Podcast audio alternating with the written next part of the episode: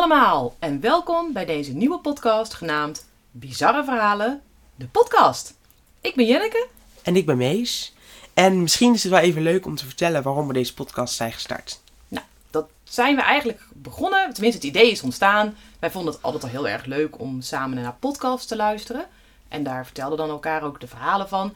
En op een bepaald moment dachten we van, wat zou nou leuk zijn om zelf te doen? Want ja, hè, om iets waar, waar je dan heel leuk vindt om naar te luisteren, is het ook wel leuk om daar zelf een podcast van te maken. En eigenlijk vinden wij alles wat bizar is leuk. Ja. En eh, ja, dat kan dus gaan van bizarre plekken op aarde tot vreemde moorden. Die op de, tot, op de, die op de, tot op de dag van vandaag nog niet ontrafeld zijn. We kunnen eigenlijk alle kanten op. Ja, we vinden het ook grappig om hele grappige, of nou, bizarre reviews te lezen. Ehm, en op die manier, ja, maken we eigenlijk dus van onze hobby ehm, een podcast. Dus ehm, heb jij nog iets leuks meegemaakt? Iets bizars deze week, Mees? Oeh, nee, dat weet ik zo niet hoor. Nee, jij was toch tegen een paal aangelopen? Of eh, was dat, Oh ja, was dat ja. niet bizar genoeg? Ja, ik was in het winkelcentrum en toen liep ik eh, tegen een pauw aan mijn hoofd. En hoe kwam dat dan? Ja, ik was even met mijn oortje, die wilde ik even goed in, want het viel bijna uit. En ja, toen keek ik niet naar voren. toen liep ik tegen een pauw aan. En eh, nog ernstige bult op je hoofd of viel het mee? Volgens mij valt het wel mee. Ja. Nou, ik heb het ook wel eens meegemaakt dat ik aan het fietsen was. Maar dat was heel lang geleden hoor. Toen was ik 12 of zo. En toen eh, was ik in gedachten. Er bestonden nog geen mobiele telefoons. Dus ik was daar niet door afgeleid. Ik weet niet wat ik aan het doen was. Ik naar de grond aan het kijken. En ineens reed ik tegen zo'n laadklep aan. Die stond op, de, op het fietspad geparkeerd. Dus dat had ik wel even zo'n moment dat je om je heen kijkt. Van, oh, heeft iemand het gezien? Want het is echt heel erg Ja. Maar dat was eh, niet. Ehm, ik ehm, heb ook nog wel iets. Wat ik dan eigenlijk bizar vond, was dat ik bij de huisartspot zat. En ehm, daar heb je altijd zo'n scherm waarop advertenties staan. En dat je kunt zien eh, de hooikoorts eh, journaal en noem op. En toen kwam ik erachter dat je dus eh, dat het goedkoper is om als mens naar een huisarts te gaan in het weekend dan als dier. Of tenminste met je dier naar een dierenarts. Want Huh? dat is 116 euro, zag ik, als je niet verzekerd bent. Dat betaal je aan de huisarts in het weekend. En aan de dierenarts betaal je 125. Dat vond ik eigenlijk best wel vreemd. Dat ik dacht, waarom is het voor een dier duurder dan... Waarom is het niet gelijk dan of zo? Ik bedoel, Misschien vinden ze dieren gewoon meer waard. apart hè? Nou ja, goed. Laten we in ieder geval beginnen met eh, de podcast. Want vandaag gaan we het hebben over het... Winchester Mystery House. Ja, het Winchester Mystery House is een heel groot landhuis in Californië. Waar je tegenwoordig tours kunt boeken als toerist. En ik ben daar geweest in 2005. Toen ik over dit huis las, tijdens de boeken van de reis destijds, eh, wilde ik dit huis erg graag zelf zien. Het hele verhaal eromheen vond ik heel interessant en ook wel een beetje creepy. En het is ook precies zoals alle foto's. Dus als je, dat, eh, als je gaat googlen, dan zie je een huis. En zo ziet het er ook heel erg uit natuurlijk. Alleen het verschil is dat er heel veel toeristen omheen lopen. Dus zie het als een soort museum. Eh, er was een eetkraampje waar je pretzels kon kopen. En je kunt verschillende tours boeken. De ene is langer dan de ander.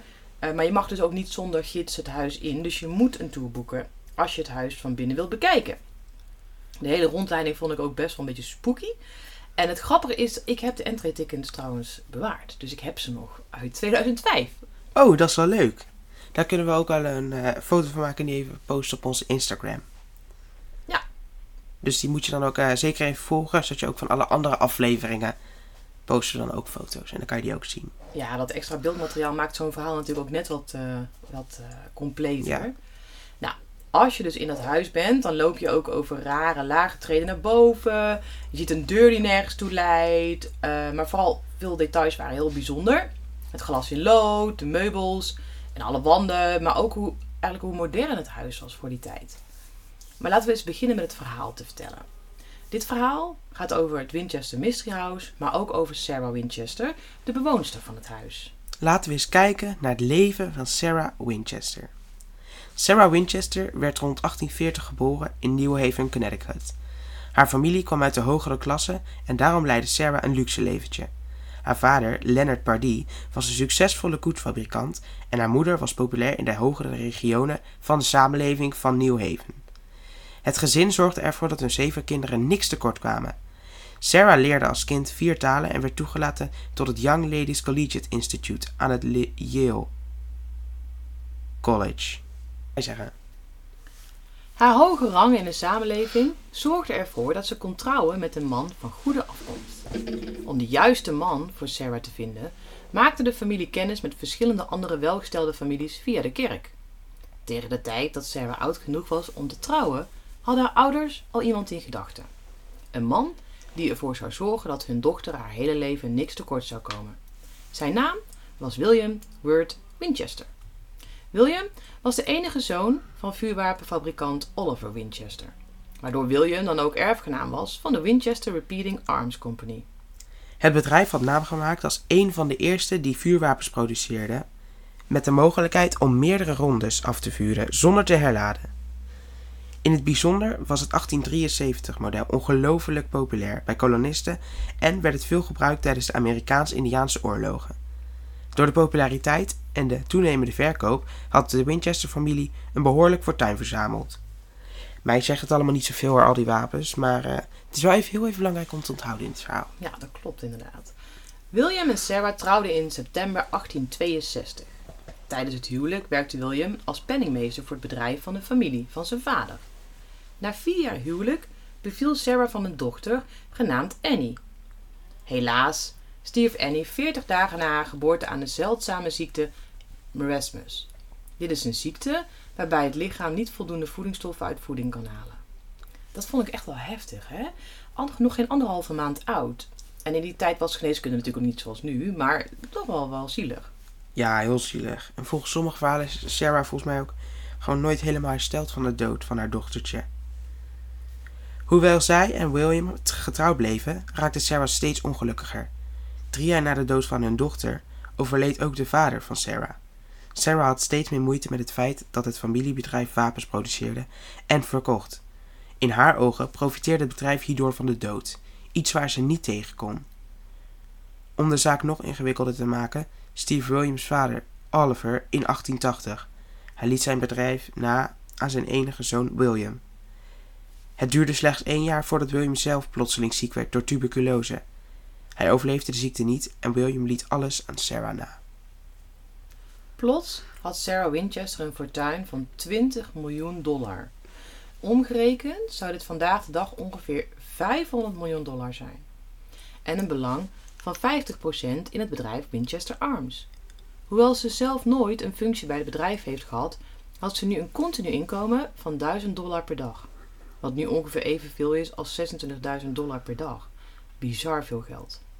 In een korte periode verloor Sarah Winchester haar dochter, moeder, echtgenoot, haar schoonvader en haar eigen vader. Daarnaast beschikte ze ineens over een fortuin aan geld. Nu was de enige vraag wat zij mee zou doen.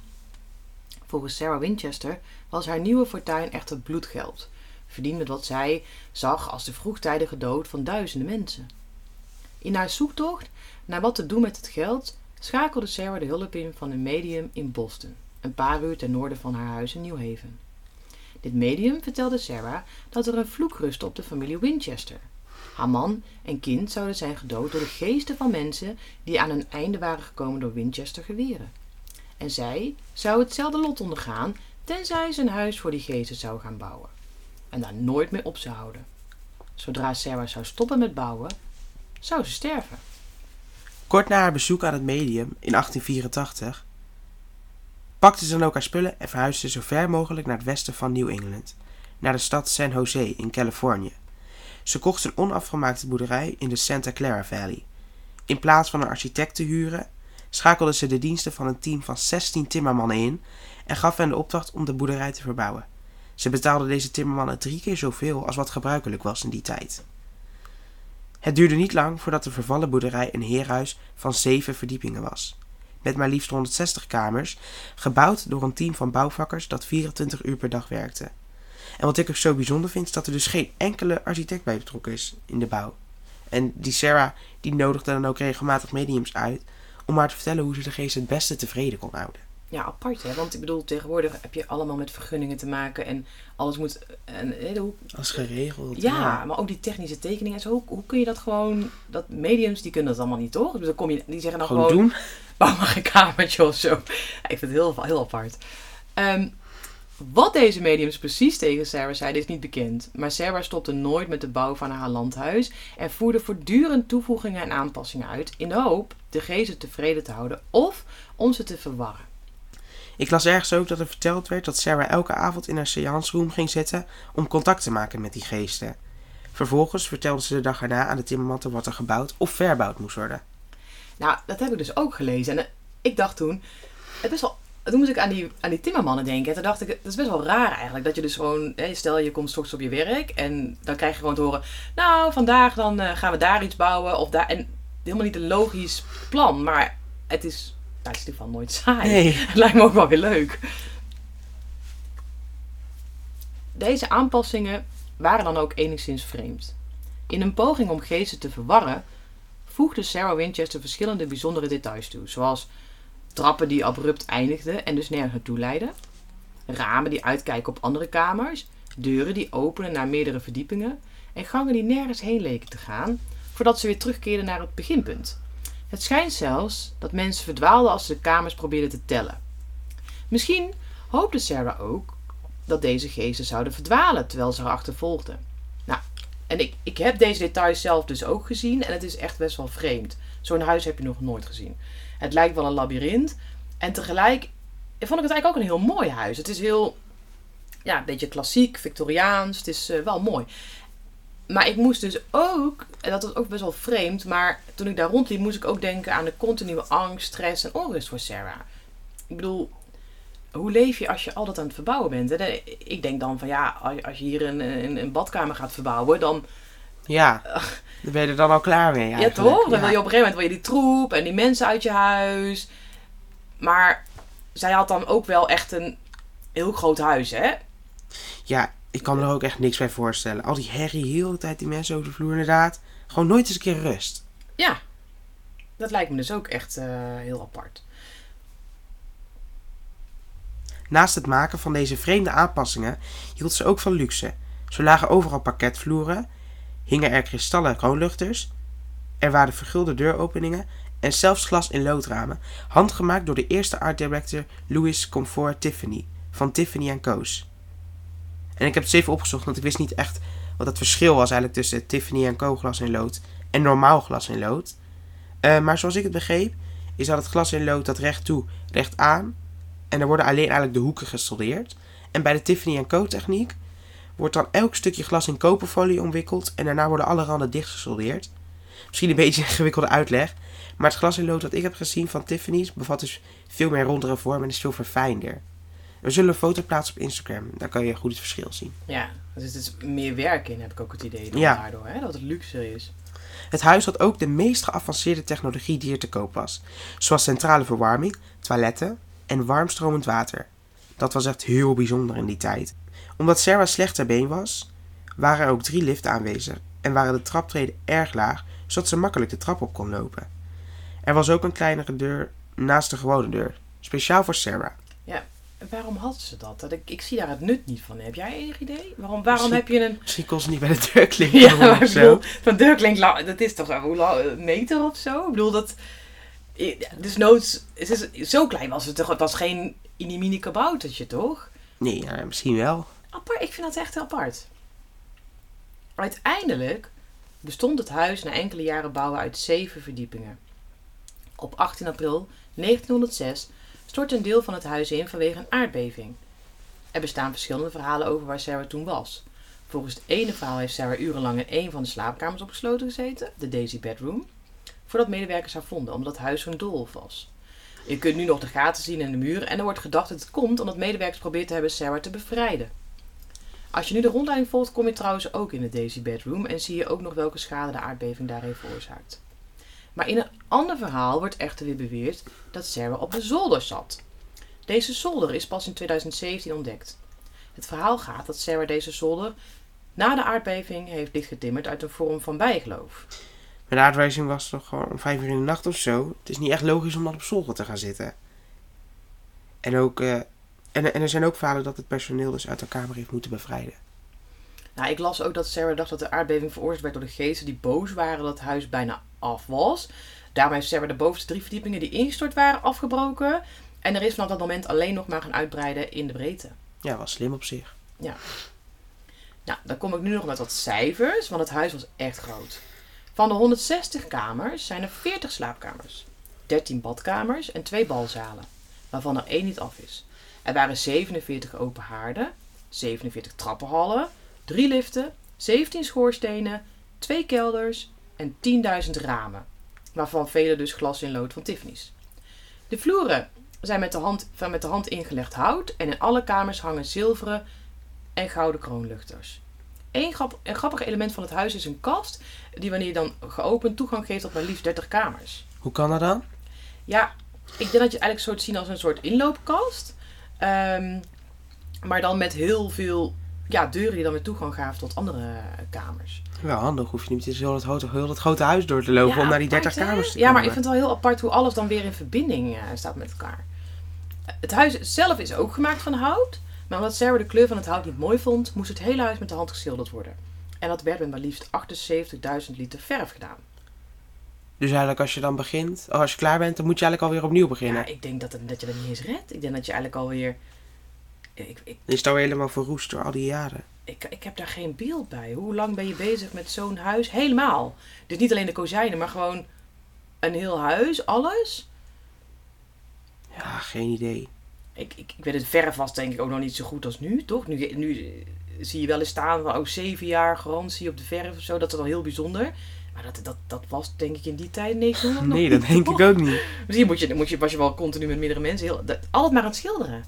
Nou, wel gezellig. Lekker een beetje praten, Ja. lekker aan het schilderen in zo'n groot huis. Wel al dat werk natuurlijk, ja. Sarah was ook geobsedeerd door het cijfer 13. Dit getal komt in heel het huis terug. Zo bestaan veel van de ramen uit 13 stukken glas in lood. De meeste trappen hebben 13 treden. De kandelaars hebben 13 lichtjes. Maar er zijn ook 13 badkamers, 13 ramen in de wasruimte en er hingen 13 raam, haken waar de 13 mantels van Sarah aan hingen. Deze mantels droeg ze dan wanneer ze eh, contact ging zoeken met die geesten. Maar ook het testament bestond uit 13 delen en er was 13 keer getekend. Ja, Dit vind ik dan wel heel vaag.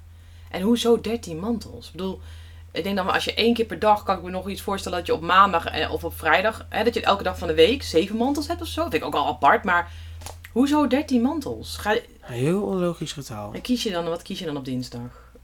Of op woensdag? Nou, ik vind het zo... wel- welke ze het meest voelde op die dag. Ja, best wel apart. Ik Misschien dus kozen ook, de geesten wel voor haar. Ja, dat, ze, dat ze dat moesten aanwijzen. Maar Ja. waarom? Ja.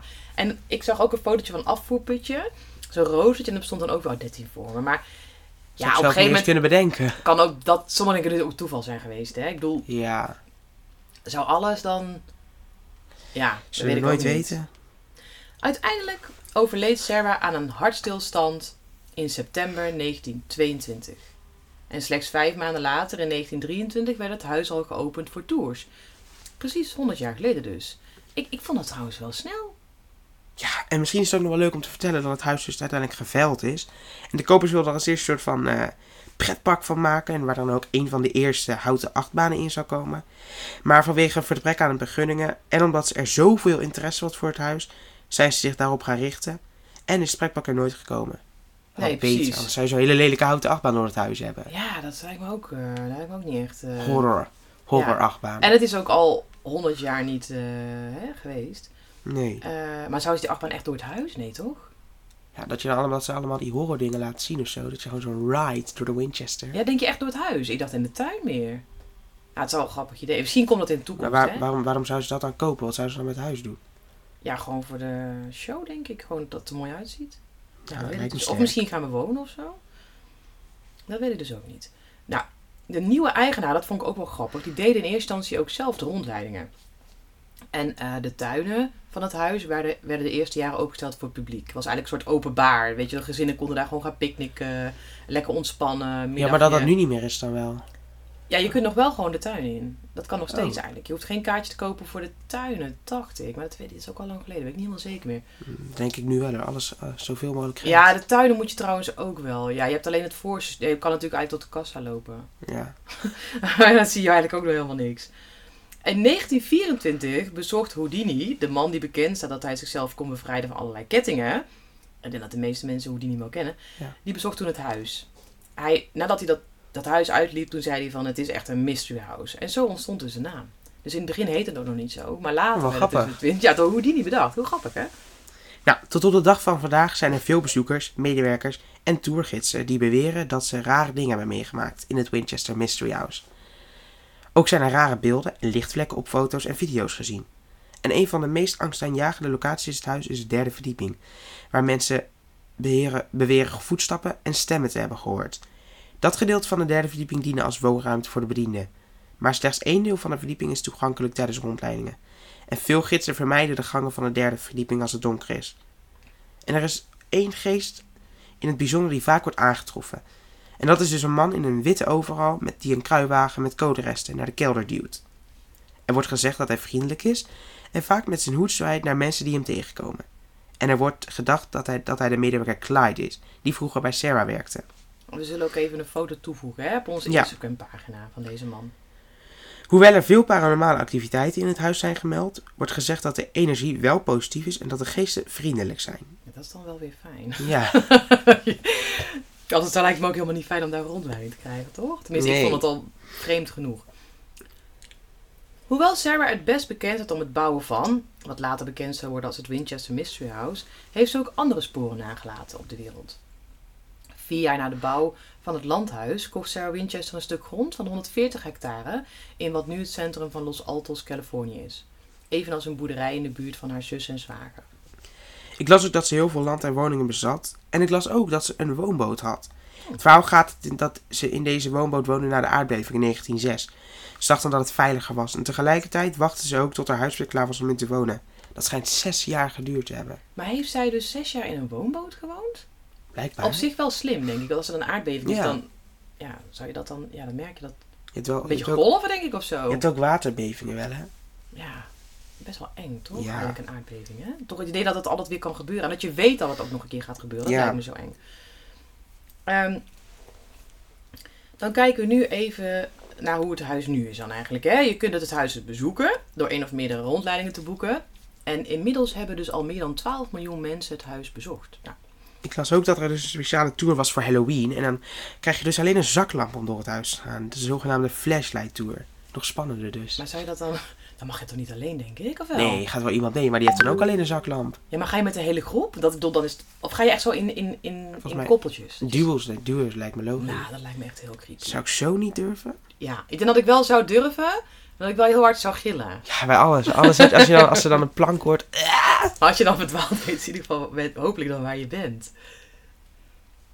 Je kunt dus ook events boeken, teambuilding, etentjes en je kunt zelfs trouwen.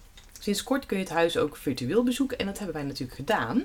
Dat was wel heel grappig, want op het moment dat wij met deze podcast bezig waren, met het schrijven van deze podcast, toen kwam, dat, toen kwam die optie hè, ineens. Ja, En ehm, dan kun je dus voor een paar dollar kun je dus eigenlijk onbeperkt toegang hebben tot de site.